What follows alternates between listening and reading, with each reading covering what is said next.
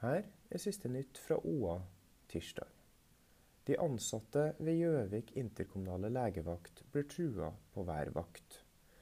Arbeidstilsynet har irettesatt Gjøvik interkommunale legevakt for at de ansattes sikkerhet ikke blir godt nok ivaretatt. Det går frem av rapporten etter et tilsyn den 18. mars i år. Her kommer det frem at de ansatte ved legevakta på Gjøvik får trusler på hver vakt.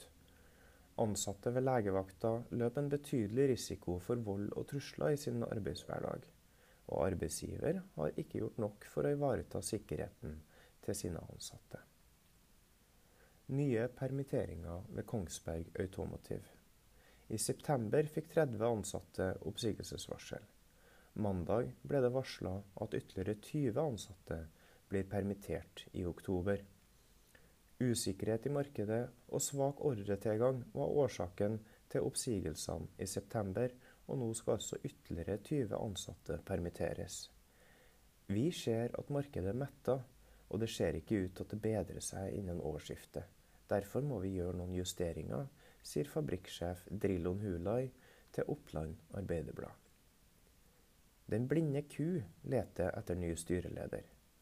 Etter at Ketil Kjenseth trakk seg som styreleder i Den blinde ku, har osteprodusenten vært i dialog med flere aktuelle nye styreledere. Daglig leder Sissel Rosenfelt forteller at Den blinde ku er i kontakt med flere gode kandidater, og at de håper på en snarlig løsning. Hold deg oppdatert gjennom dagen på oa.no.